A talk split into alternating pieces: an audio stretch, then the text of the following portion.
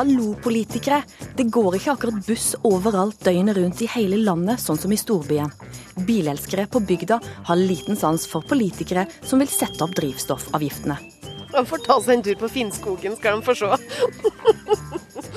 Og der kommer det ikke buss, for å si det slik. Seksuelle overgrep mot kvinner blir underholdning i de store TV-seriene, mener mannlig filmregissør. Han er helt på jordet, svarer kvinnelig kommentator. Og folk som ikke reiser seg for eldre på bussen, er offentlig snyltere og bør skamme seg, mener oppgitt 77-åring. Har vi blitt mye mer uforskamma nå enn før? må man nesten hoppe over og krype over for å få den ledige plassen ved siden av han inne ved vinduet. Deres er litt. Da går det an å flytte rumpa si litt over, så en person kan sette seg ned der. Velkommen til ukeslutt. Jeg heter Ann Kristin Elise. Og i den neste timen skal du òg få bli med en tur til London. For det norske juletreet som vi gir til britene hvert år, det blir sett på som en agurk med lys. Men aller først. Høye bensin- og dieselpriser får mange til å se rødt. Og det er kanskje ikke uten grunn at det er den såkalte bilpakken som har skapt budsjettskaos og regjeringsproblemer. Men hva er det egentlig med forholdet vårt til bil og bensin som er så brennbart at det kan velte regjeringer? Reporter Åsa Vartdal dro til Hedmarken for å finne ekte lidenskap for bil. Hvis noen tar ifra meg bilen min, da tar de rett og slett ifra meg hele friheten. En hvit BMW glir over snøen som har lagt seg på et julepyntet Flisa sentrum. På butikken, eller? Ja, vi kan ta en tur på Kiwi. Dette er vinterbilen til Thea Solheim. Hjemme i garasjen har hun seks biler til. Så det er litt forskjellig. Det er alt ifra eh, Opel Kadett og Ascona til Tao og en Cadillac DeVille og en Passat. For henne og Madeleine Pettersen i passasjersetet er bil både en lidenskap og en nødvendighet. Hvordan ville livet vært uten bil? Katastrofalt. Enkelt og greit. Det er en frihet. En stor frihet. Hvis jeg ikke kunne kjørt bil, da hadde jeg vært deprimert, tror jeg. Ja, nå har han Per fått det slik som han vil. Bukse og jakke, og nå kjører han bil. Men vegen er kranglete, hei hvor det går Jeg tror nok Fremskrittspartiet mener at den bilpakken ligger fast. Men vi har jo en annen oppfatning enn Fremskrittspartiet. Den bilpakken var noe vi hadde forhandla om, og som vi hadde sagt nei til. Det er klart at Da blir det veldig vanskelig i de forhandlingene etterpå. Det humper litt for regjeringsbilen om dagen bilpakken den har ligget fast hele tiden, og det gjør den fortsatt. Og det er ikke første gang bil- og drivstoffavgifter skaper trøbbel for en borgerlig regjering. Avventende og galgenhumoristisk. Slik kan stemningen her i Stortinget i kveld beskrives. Vi rygger 30 år tilbake i tid. I vandrehallen utenfor stortingssalen går folk rastløst omkring og venter på den historiske avstemning senere i natt. Det er kveld i Stortinget 29.4.1986. Oljeprisene har stupt, Norge har stor utenlandsgjeld, og statsminister Kåre Willoch vil sette opp prisen på bensin i et forsøk på å hindre økonomisk krise. Men han må ha støtte fra Fremskrittspartiet for å få det gjennom, og ender opp med å stille kabinettspørsmål. Hvis Arbeiderpartiet, Fremskrittspartiet og SV likevel går sammen mot viktige deler av innstramningsforslagene, vil det gjøre det helt klart at Arbeiderpartiet, Fremskrittspartiet og SV i praksis bruker sitt flertall på en måte som gjør regjeringens oppgaver uløselige. Men Carl I. Hagen har lovet velgerne sine å kjempe mot skatter og avgifter, og vil ikke støtte regjeringen. Hvorfor har regjeringen utelukkende vært interessert i å forhandle med de sosialistiske partier om høyere skatter og avgifter, overhodet ikke vist snugg av interesse for å finne en løsning gjennom reduserte utgifter. Willoch må gå. Da kjører vi. Vi er interessert i et bredt samarbeid 30 år senere får han som den gangen måtte overlate statsministerstolen til Gro Harlem Brundtland, et gjenhør med skjebnekvelden. Angrer du på at du stilte det kabinettspørsmålet? Kan ikke se at det var noe alternativ. Eh, et flertall i Stortinget ville gjøre det umulig for den borgerlige regjeringen å løse de økonomiske problemene som landet var kommet opp i pga. oljeprisfallet. Da var det vår plikt å gi muligheten til en annen. Men det var jo drivstoffavgiftene det sto om den gangen òg? Ja, det var ett element i en bredere pakke. Men det, du har helt rett i at det viser seg å være politisk følsomt stoff, dette her. Bil er veldig viktig. Men det er masse andre oppgaver som også er viktige, for å si det svært forsiktig. Du som har vært gjennom dette, har du noe råd til eh, Erna Solberg i denne situasjonen? Ja, nå er det vel ikke min oppgave som svært forhenværende partileder å gå aktivt inn i den aktuelle situasjonen. Jeg har bare lyst til å benytte anledningen til å si at jeg syns kritikken mot Erna er urimelig. Jeg syns hun viser en beundringsverdig sinnsro i forsøk på å forene partier som er nokså sterkt uenige, for å si det forsiktig. Jeg tror det vil være det beste for hele samfunnet om man unngår en regjeringskrise nå. og styre videre med sikte på å løse problemene.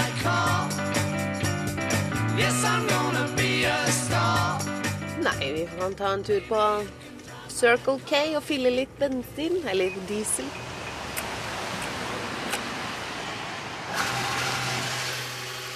Fylle full tank på den her, så er det 1000 kroner ca. Pluss-minus. Uh, og jeg har det en stund. Jeg har det. Vil noen øre ekstra på, på dieselavgiften egentlig ha noe å si? Nei, det egentlig ikke. Men uh, hvorfor skal de skru opp den så forferdelig mye? Altså, hvorfor skal de gjøre det? Har de ikke skrudd opp nok? I den hvite SUV-en på Flisa har Thea og Madeleine liten sans for at politikere som selv kan gå ut døren og ta en trikk, vil gjøre det dyrere for folk på bygda å kjøre bil. Det syns ikke noe om. Da kan man få lov til å bo oppi her ei uke. Så kan de få se sjøl. Ja. De får ta seg en tur på Finnskogen, skal de få se. og der kommer det ikke buss, for å si det slik. Og egentlig at eh, det kunne Det høres sikkert feil ut for mange, men for vi som bor på bygda, at det kunne være billigere drivstoff her, og så kunne det vært dyrere i bya der du har kollektivet. Det syns jeg faktisk. For at de har et alternativ, vi har ikke noe alternativ. Vi må fylle, vi uansett om de skrur opp. Men det er jo ikke veldig miljøvennlig? Nei, det, det er så som så. Men uh, jeg vil ha bil for det. har dere vurdert elbil? Nei. Nei, det er absolutt ikke. Uh, vi har ikke akkurat ladestasjoner, så vi får, vi får kjøre med diesel og bensin, vi. Så vi kommer oss dit vi skal. Og så er det litt sjarm at det brummer litt, altså biler.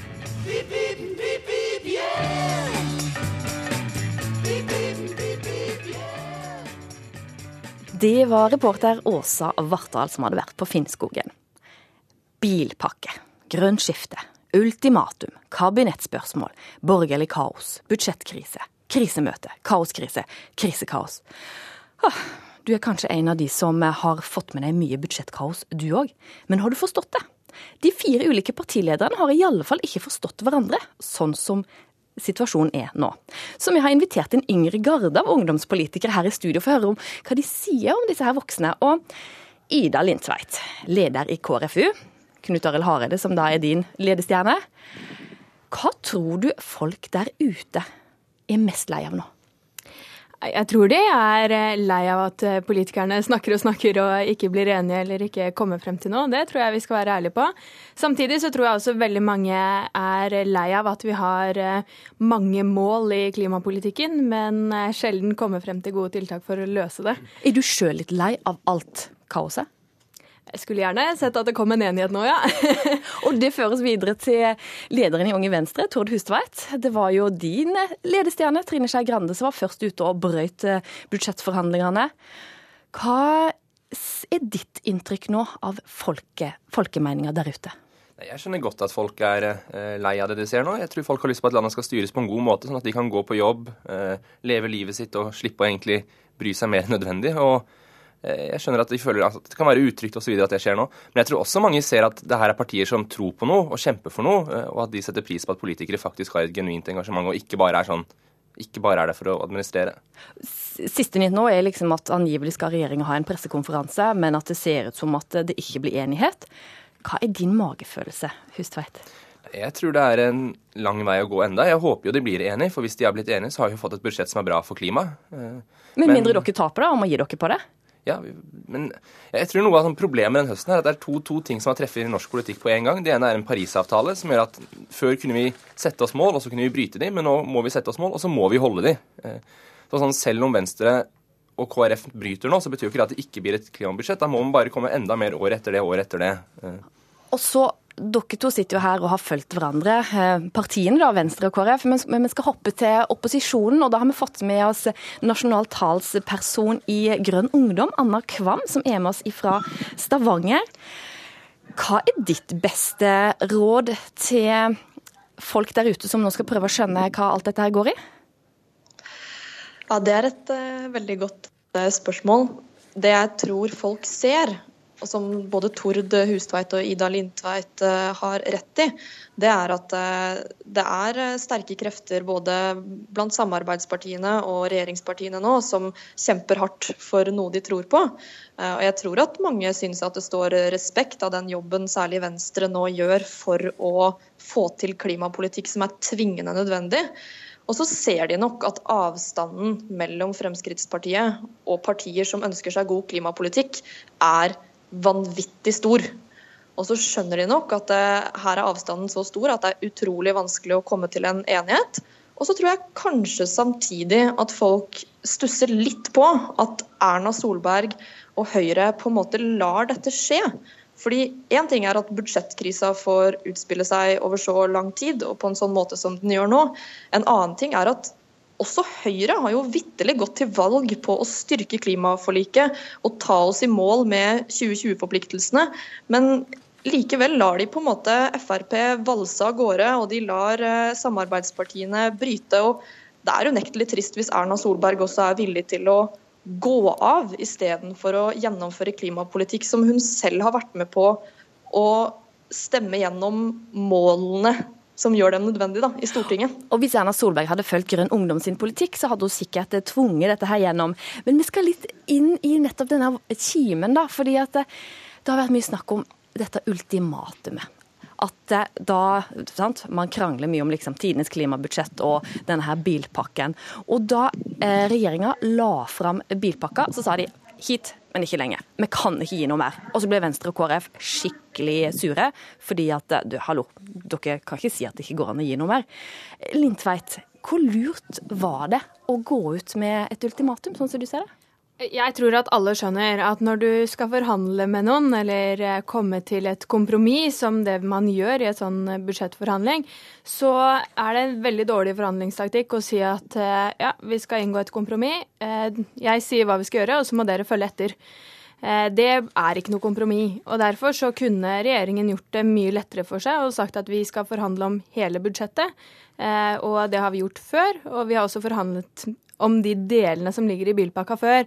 Eh, så jeg syns det var en eh, dårlig måte å legge frem et budsjett på. Eh, og jeg tror at man har gjort det veldig vanskelig for seg. Det er ikke sånn en mindretallsregjering kan fungere. Fordi at Er man en flertallsregjering, så har man flertall i Stortinget. Da kan man gjøre akkurat det man vil.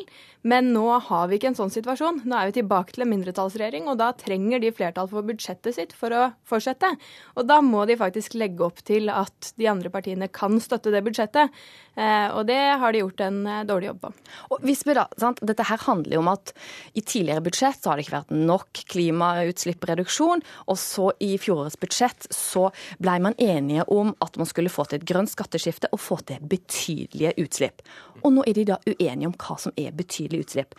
Tord Hustveit, hvis vi går tilbake da, til den natta da de satt og ble enige om dette her, de skulle få til betydelige utslipp. Hva ville du ha gjort på en annen måte?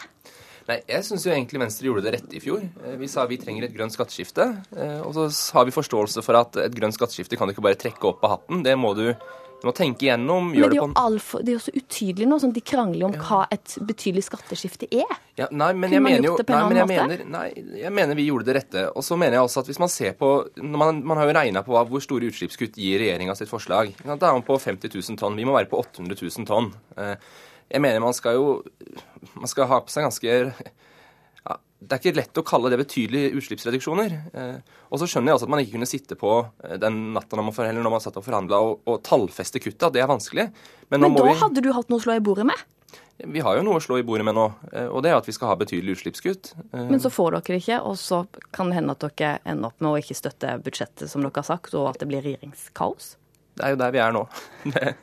du, hvor, dere, dere, snakker vel litt med toppene deres. Trine Skei Grande, hvordan har du det nå? Jeg tror hun syns det er eh, vanskelig. Det er mange hensyn hun skal ta på en gang. På den ene sida vil jo at landet skal få et budsjett, at det skal være et godt budsjett. Og på den andre siden så er jeg opptatt av at Norge skal oppfylle sine klimaforpliktelser. At vi skal gjøre det på en måte som ikke skyver en stor regning over på neste generasjon. Vi skal til, tilbake til Stavanger. For Anna Kvam, du er nå på nominasjonsmøte. Du er innstilt der. Og du blir, hvis du da blir valgt, for det har ikke kommet noen benkeforslag, da skal du bli stortingsrepresentant. Um, eller du kan bli stortingsrepresentant, for blir, det kan bli valgt inn på den lista. Anna Kvam, Frister det å bli stortingspolitiker når du ser alt dette her? Ja, vet du hva, det gjør det i aller høyeste grad. Du vil inn i kaos? ja, eller jeg vil, jeg vil, være med på å prøve å rydde opp i kaoset, da. Eh, det er jo, eh, er jo, i hvert fall sånn som situasjonen er nå, kanskje en litt høy ambisjon, men jeg tror det er viktig at man får fram det at jeg tror ikke nødvendigvis at det kaoset vi ser i regjerings- eh, og budsjettforhandlingene nå, er veldig mye større enn det kaoset som kanskje utspilte seg i diskusjonen om klimapolitikk på bakrommet under den rød-grønne regjeringa. Forskjellen er jo bare at da skjedde det på bakrommet, nå skjer det i offentligheten. Men, Men Anna Kvam, hva tenker det viser jo egentlig et, viser jo egentlig et, et systemproblem da, i at man hele tiden må ha små partier som prøver å flytte de store partiene, men store partier som man har lovet å samarbeide med nesten på forhånd før man går inn i forhandlingene etter et valg. Og Det er jo litt av den systemproblematikken jeg går til valg på å prøve å bryte.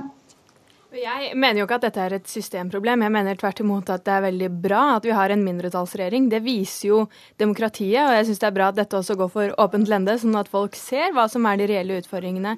Og de reelle utfordringene, det er jo at det har blitt kuttet altfor lite de siste 10-20 årene, og at vi nå må rydde opp i det. Men det kan heller ikke gjøres bare på ett år. Og Det er derfor vi er opptatt av at eh, det skal innfases på en god måte. Man kan ikke ta alle kuttene på ett år, men nå må vi begynne. Og nå må vi få til kutt for å kunne støtte dette budsjettet. Du, og, uh, Anna Kvam, Jonas Gahr mm. Støre, tror du han sitter og koser seg nå? Vær ærlig. Ja, det kommer jo an altså, ja, Selvfølgelig så, så er, det jo, er, det jo, ikke dumt for han at det ser ut til å være litt kaos på borgerlig side. Men uh, det virker jo ikke heller som han har kjempelyst til å hoppe inn i, inn i statsminister ministerstolen nå et år før valget, han heller. Eh, så han håper kanskje at kaos utspiller seg akkurat lenge nok, og at det kommer en liten enighet i havn til slutt, og så at man kan kjøre valgkampen som planlagt eh, til neste år. Og dere tre, Nå skal jeg gi dere en liten utfordring her på tampen. For det er jo sånn at hvis det ikke blir flertall, altså hvis regjeringa ikke har støtte for, eh, for, budsjettet, som de skal nå legge frem på mandag da, og ha finansdebatt om, da kan det bli stilt kabinettspørsmål. Statsministeren sier 'støtt meg', eller så må regjeringa gå av. Og da lurer alle på hva vil skje. Og nå skal jeg stille det samme spørsmålet til dere, og det er hvem tror dere eh, er statsminister i Norge om tre måneder fram i tid? Og så teller jeg ned fra tre til én, og så svarer dere på samme tid. OK? Ja. Alle med? Tre, to, én. Erna Solberg. Erna Solberg. ah. Klar tale fra alle tre, var enige om noe. Tusen takk for at uh, dere var med her. Og vi skal gå videre til sjakk, for det er ikke bare i budsjettforhandlinger. Eh, det er ikke bare i budsjettforhandlingene til regjeringa det har vært dramatisk denne uka. Det vet alle som elsker sjakk, og som har opplevd at Magnus Carlsen har tatt oss med på ei følelsesmessig berg-og-dal-bane under sjakk-VM. Det så en periode mørkt ut, men så ble det sjakkmatt. Det er full krise faktisk for Magnus Carlsen i sjakk-VM 2016. Han har ikke noe fyrverkeri i dag, og jeg tror ikke dette blir så veldig langt parti. Oi! Oi, oi, oi. After only four moves, there's more than 300 billion options to consider. Nei, nå må vi eh, nå, Dette liker jeg ikke. We take you very close to the edge. Magnus Carlsen uh, er i faresonen. Ok, så har ikke jeg lagt merke til at jeg hadde fått mer tid. I så fall ville jeg jo tatt en pause, gått på do og tatt noe, tatt noe å spise så tenker jeg ok, jeg må gjøre et trekk og gå på, gå på do, i hvert fall. Uh, og så er det trekket en kjempefeil som gjør at han får masse motspill. Eh, hva er utveien til Magnus Carlsen her? Ja, om han flytter sin hest, eh, sin springere, og angriper Hvitstårn, så tror jeg at det kommer å bli remis. Ja, men titta på den bilen Harald, jeg sa du ikke skulle gjøre narr av noen. Ja, men jeg gjorde ikke narr. Jeg var Eh, Trekker han. Oi! Der er det sannsynligvis en gigatabbe. Før i tida, i gamle dager, skakk som det het. Ja, det skulle være brettet skulle være skakt på den tida. Det var folk, det var ekte bønder selvfølgelig. Og da blir det matt, og da blir folk slitne og laserne, ned, så det er helt riktig. Ja. Dette var et greit parti for Magnus resultatmessig, som reiser seg etter det forrige tapet med en remis med svarte brikker, men uh, heldigvis redder seg inn da når Karjakin ikke finner det aller beste før trekk. Magnus Carlsen. You can just feel it when your intuition doesn't work. This is not going to be easy. Magnus tenker likevel da, og har bare ett minutt til de spiller tårnet ned, sier sjakk på kongen. Karjakin spiller sin konge opp igjen, og der gir han opp. Det ble altså seier til slutt etter et langt VM-match i New York. Gratulerer så mye, Magnus Carlsen. Det var vår lyddesigner Helgar Torgvær som hadde lagd denne. It is a great honor to present to you this year's Christmas tree from Oslo.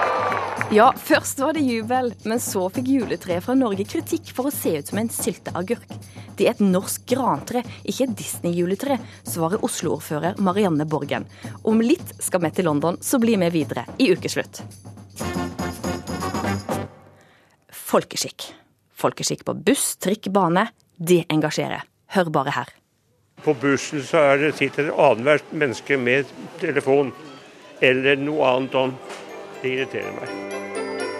Nei, nei, gutt. Dette må bli slutt. Går på bussen før jeg kommer til f.eks. Ja, og så folk som eh, sitter ytterst når det er nesten helt full buss, og sitter ytterst til setet. Og så gir de ikke plass, så må man nesten hoppe over og krype over for å få den ledige plassen ved siden av han inn ved vinduet. Deres er romærlighet. Da går det an å flytte rumpa si litt over, så en person kan sette seg ned der. Har det blitt bedre eller verre? Det er vel det samme omtrent, tror jeg. Folk er folk, og folk har alltid vært sånn. Ikke storme inn i stua før du har fått av deg lua. Glemte du det rent? Det var ikke pent. Men du er kanskje en av de som har kjent dette her. Du sitter på en smekkfull buss, men du er så heldig du har fått en sitteplass. Og du syns det er ganske deilig, for selv om du fint kunne stått, så er du sliten og trøtt, du har mange handleposer. Du synker ned på det varme setet og dukker ned i mobilen din for å sjekke siste nytt på Facebook. Men nettopp dette fører til at du kanskje ikke ser det du burde se. Og Nico Grønn, du er pensjonist, du er 77 77 år. Du blei så irritert at du skrev et leserinnlegg i Aftenposten. Hva er det som irriterer deg? Det som irriterer meg mest, er når ungdommen sitter med benet på det setet foran, eh, blant annet. Da sier jeg gjerne fra. Det er vanligvis midt på dagen, så det er ikke noe kø- så der er det god plass å sitte på. Men når vi kommer midt i rushtiden, oppe foran morgen og kveld, så er det jo så tett om bord i disse trikkene at eh, at man skal lete lenge etter et, sete. Og eh, da hender det at jeg hever stemmen og, og sier at eh, se opp, mensch. Du er ikke redd for å si fra? Nei. Og så har vi en annen gjest her, Tone Møllevær. Du, har, du er òg pensjonist, har jobba i bank i mange år. Du har òg bikka 70 år. Og du blei litt irritert eller opprørt over innlegget til Grønn. Så du satte deg like godt ned og skrev et motinnlegg du i samme avis i Aftenposten. Hva er det du er uenig i i det han sier? Jeg syns jo ikke at det er noe stort problem å få sitteplass på, på offentlig kommunikasjon. Og hvis det er noen som har satt bagasje der, da, så pleier jo de å da fjerne den når de ser at jeg kommer. Så jeg føler aldri at jeg har noe behov for å spørre om å få sitteplass eller noe sånt noe. Men Nico Grønn, er du litt for kravstor? Nei, jeg føler ikke det. Eh, Jeg føler at eh, generelt at eh, ungdom ikke er flinke nok til å Jeg sier ungdom under 50. eh, Er flinke nok til å, å være litt anlagt eh, når det gjelder dette med T-bane og trikk og buss. Eh, De låser seg ned i en, eh, i en eh, telefon eller hva det måtte være for noe. Så det er ikke noen samtaler. Det er sjelden du får i gang en samtale med disse menneskene som du har sitter rundt deg. Jeg, savner litt den, eh, denne naturlige sosiale tanken på at eh, man, man bør smile litt mer. Man være litt mer observant på sine medmennesker eh, når man setter seg på et offentlig transportmiddel. Altså, for det er ikke bare det at du vil at folk skal reise seg og tilby plassen, men òg faktisk se på deg og smile og si hei. Hadde vært hyggelig, det. Er du enig, Melvær?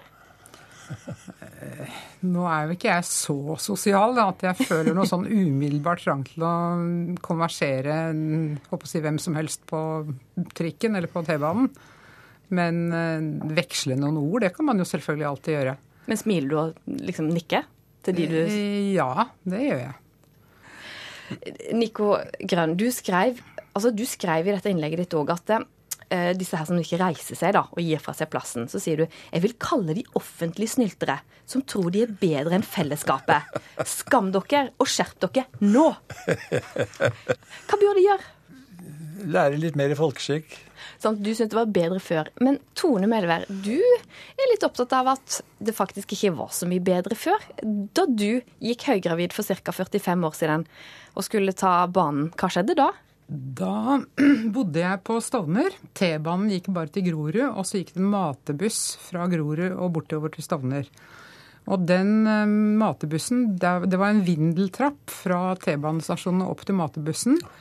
Og jeg vagget rundt med min eh, store mage og eh, klarte ikke å klatre opp den der vindeltrappen så veldig fort. Og i mellomtiden så hadde alle de middelaldrende mennene som også kom hjem fra jobben, da skulle hjem til eh, huset sitt, de hadde løpt inn på bussen og satt seg ned på setene og tatt frem avisen og dukket ned i avisen. Og jeg kom opp da helt på slutten og ble stående i midtgangen, for det var ingen som reiste seg for meg. Ingen av mannfolka reiste seg for deg? Nei, ikke en eneste gang, tror jeg, at jeg opplevde det. Men det er ganske mange såkalte eldre som det kan være lett å fornærme ved å si hei, vil du ha plassen? Altså Kan det være uhøflig å tilby plassen sin til Jeg noen som ikke- føler seg gammel nok til å Ja, få det, den? det vet man ikke før man spør. Uh, men her, ta plassen min. Nei, jeg, nei takk, jeg skal ikke ha den. Så så blir det en liten samtale her sånn, og det er fint.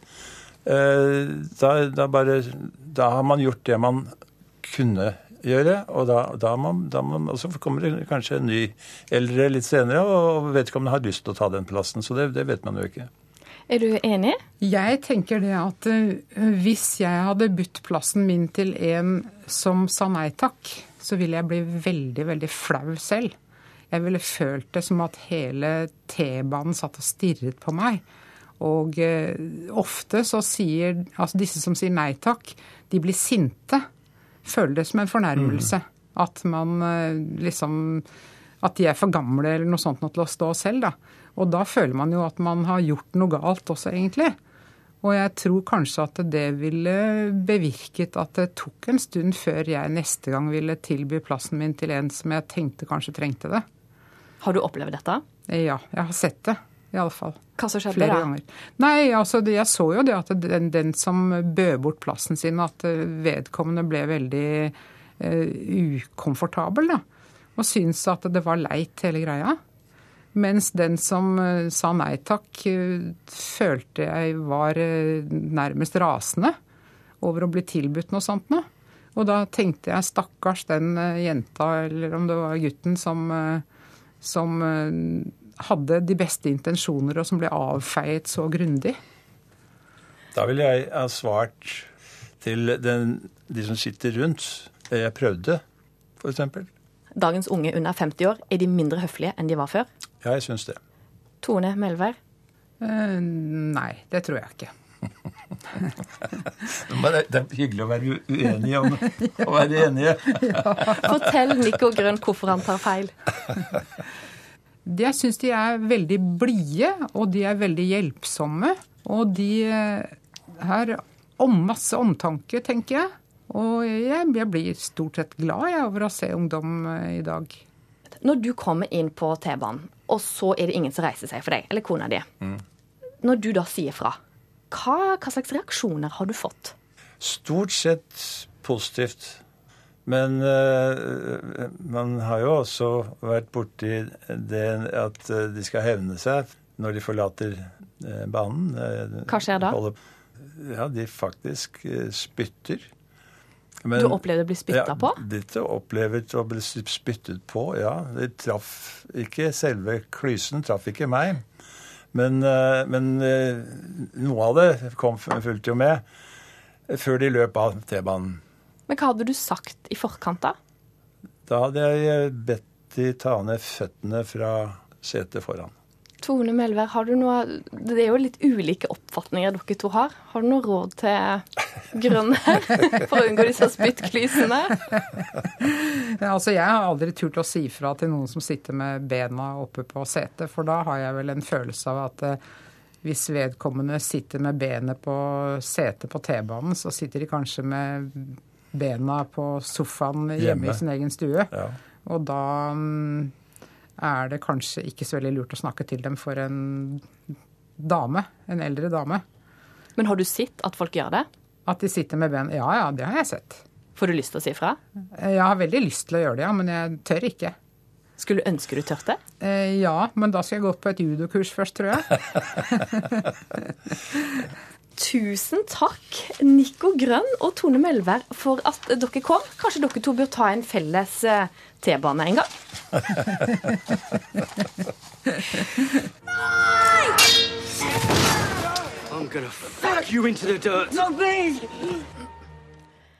Vold og seksuelle overgrep mot kvinner blir brukt som underholdning i TV-serier. Orda kommer fra den norske forfatteren og filmregissøren Terje Dragseth, som i et innlegg i Aftenposten skriver det finnes et dark room i oss alle, og vi spiser rått av den faderlige hånda som tilbyr oss softporno via de mange betalingskanalene som tilbys på nett-TV. Terje Dragseth, du er med oss fra Kristiansand. Det er korrekt, ja. Velkommen. Du, tar oss med inn i filmuniverset. Hva er det du reagerer på? Eh, jeg reagerer først og fremst på eh, at eh, sex og vold blir brukt mot kvinner og som overgrep. Og jeg opplever det som en, hva skal man si, en, en krenkelse, en humanistisk krenkelse. Brukt som en effekt i, i underholdningsmenet. Og hva slags serier er det særlig du tenker på? Ja, nå har jeg trukket fram de to mest uh, populære, altså uh, Games, Game of Thrones og Westworld, som, som går nå. Og i type Westworld, der, der, kan vanlige mennesker søke seg inn i et univers der det fins eh, roboter som eh, begynner å utvikle menneskelige følelser, og så disse ekte menneskene kan dra inn dit og drepe og plyndre og voldta og herje. Det er litt av konseptet. Ja, så, så langt så er det disse, disse vanlige menneskene Det består av menn som drar inn i denne verden. Jeg har ennå ikke sett en kvinne bli introdusert som gjest i Westworld. Og, men hva slags konsekvenser er det du er redd for her? Nei, Det er vanskelig å si, men jeg syns det er en forrådelse. Og jeg syns det også henger sammen med, med en eh, politisk uh, høyredominans i, i, i, verden for øvrig. Fordi uh, den, uh, den høyredominansen den er preget av reaksjonære, og konservative menn som gjerne vil vil introdusere den underdanige kvinne, f.eks.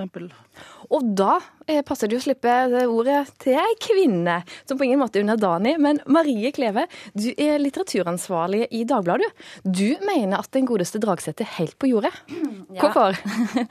Altså, først er det viktig å understreke at um, jeg er jo enig med Dragseth i at dette er en viktig diskusjon. Det er et eh, kvinnesyn i TV-serier og, og eh, framstillingen av kvinner. Det er et viktig tema som, som, jeg er veldig glad for at blir tatt opp. Men jeg kan ikke stå inne for måten han gjør det på. Um, Hva er det som er feil, da? i måten han gjør det på? For det første så, så, mener jeg at han angriper feil mål. Eh, de to TV-seriene som han bruker som eksempler her, Game of Thrones og Westworld, det er jo feministiske serier, faktisk. Um, det ser kanskje ikke sånn ut hvis du ser det bare deler av dem, eller første episode f.eks., men de følger Altså, de historiene som fortelles her, det er jo i stor grad kvinners historier i patriarkalske samfunn. Of Thrones, som er et middelaldersamfunn, det er en fantasy-serie, men det er det det, det bygger på. Og Westworld er en science fiction-serie om roboter, men det foregår i en temapark eh, som skal ligne Det ville Vesten. Eh, og, og, der foregår det jo sånne ting. Det, det skjer overgrep, og det, det, er en del av historien, enten vi vil det eller ikke. Men Dragseth, der du ser kvinneundertrykking, så ser Kleve feminisme. Hva sier du til det? Altså, Jeg kan ikke med mine beste fornuftige evner se at dette er feminisme. Det fungerer på den måten at alle de kvinnene som reagerer eller agerer mot det patriarkalske mannsdominansen, de bruker jo nettopp de samme midler, altså vold og hersketeknikker og sex, for å overvinne og komme til makta. Jeg kan ikke det er akkurat som å si Margaret Thatcher var feminist. Så det du mener er liksom at kvinner blir som menn for å bli sterke? Ja. ja Kleve, burde man hatt det på en annen måte? Ja, Her er han jo inne på, på noe interessant med de seriene. fordi eh, de, forteller, de fortellingene som, som, skjer her, det er jo det som går igjen i begge seriene, det er jo eh, undertrykte kvinner som reiser seg og blir sterke, og enda sterkere enn mennene som undertrykker dem og slår tilbake. Og det er riktig som han sier at i mange tilfeller så er, så er det flere av dem som faktisk bruker de samme eh, grepene eh, til å undertrykke igjen, som, som de har vært offer for i utgangspunktet. Men dette her er jo også en måte å kommentere det som har skjedd på, eh, som har skjedd med dem. Det kan være en funksjon av, av de overgrepene som de har opplevd. Eh, og så handler det også om den maktdiskusjonen, som faktisk er et sentralt tema, særlig i Game of Thrones. Eh, det er meningen at vi skal se på dette her, og så skal vi eh, fundere på er det, er det egentlig riktig. Nå har vi heiet på denne dama ganske lenge, og så gjør hun noe som faktisk er akkurat like ille som det som har skjedd tidligere i serien, og, og, og det blir noe å diskutere igjen. Så jeg syns det er interessant. Men Dragseth, jeg har selv sett disse seriene, og jeg skal være så ærlig som å si at noen av voldsscenene da lukke øynene og holde meg for ørene. Men noen av de verste scenene er jo vold mot menn, begått av menn. Så hva tenker du om det? Ja, når De to siste episodene i Westworld er ganske Ja, Da tenkte jeg på Game of Thrones. Ja, OK, men nå snakker jeg om Westworld. Der er det som, som foregår nå. Der, altså, det er jo sånn at Vi mennesker vi reagerer jo først emosjonelt og så har vi jo en, en, at Vi innbiller oss at vi har en veldig stor eh, kontroll over våre eh, sanser. Men jeg tror at vi overvurderer vår evne til å analysere dette. Ja, Men mener du at, at folk kan bli påvirka av det og ikke klare å skille mellom fantasi og virkelighet?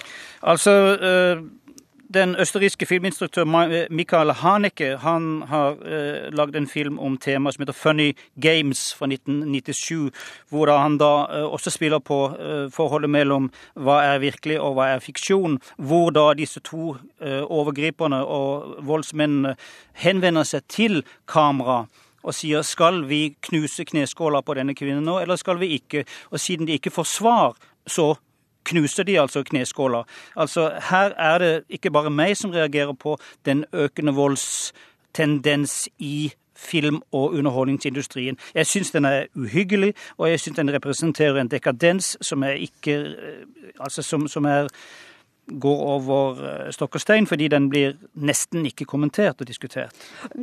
Her, her, må jeg nesten bryte inn, fordi eh, at det ikke har blitt kommentert og diskutert, det stemmer jo faktisk ikke. Altså, Game of Thrones, Volden i Game of Thrones har jo vært diskutert helt siden det kom på TV for, eh, for er det sju år siden.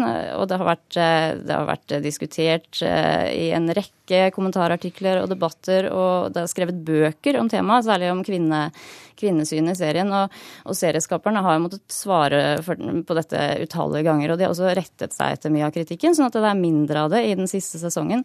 Så dette er noe som, som er, en, dette er en stor diskusjon uh, hele veien, altså. Og så, er, og så, er, det jo også sånn at dette, denne diskusjonen om vold i, i kunst- og, og underholdningsindustrien, den er jo eldgammel. Det fins jo Altså, kunsten har jo brukt sterke virkemidler til alle tider. Det er, jo ikke, er jo ikke noe nytt. Selv om det kanskje eh, blir litt ekstra sterkt nå siden vi ser det så mye på TV-skjermen. Men jeg skal dra inn noe som er litt nytt. For i kronikken din, Dragseth, så bruker du ordet da som dark room, med en tydelig referanse til overgrepsnettverket som politiet i Bergen har rullet opp. Og du sier at det er dark room i oss alle.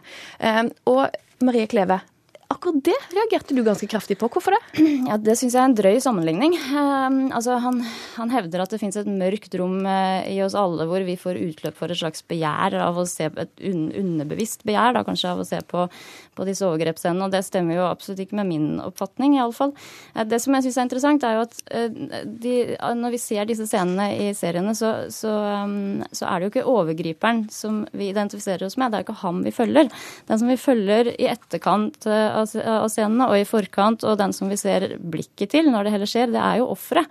Så det er jo, det, er jo henne, det er jo henne vi identifiserer oss med, det er jo henne vi er, på en måte. Og dermed så, så gjør jo disse scenene også at vi klarer å sette oss inn i hennes situasjon. Og kanskje noen ganger til og med får en økt forståelse for hva det er som skjer. Men det er ikke noe romantisering som foregår. Jeg, jeg føler jo avsky når jeg ser på dette her. Dragseth, til slutt her, da. Altså, dette her, du kritiserer dette for å bruke altfor sterke virkemidler. Bruker du sjøl for sterke virkemidler når du bruker darkroom-referanse? Jeg skjønner ikke helt spørsmålet. Når du uh, sier ja, at Unnskyld. Ja, ja. Nei, altså i Dark Room-referansen i min kronikk er et bilde. Det er en metafor. Det er Aftenposten som har brukt den som, som overskrift. Dark Room er en metafor for de mørke, positive og negative kreftene som finnes i den menneskelige bevissthet. Det er klart at de blir aktivisert og manipulert med i en TV-serie som Westworld. Dere to blir neppe enige her, men dere er enige om begge to at debatten er viktig. Så får vi heller ta den igjen på et annet tidspunkt. Tusen takk Marie Kleve, litteraturansvarlig i Dagbladet, og Terje Dragseth, forfatter og filmregissør. Vi skal til London, der den norske julegrana ble tent på torsdag.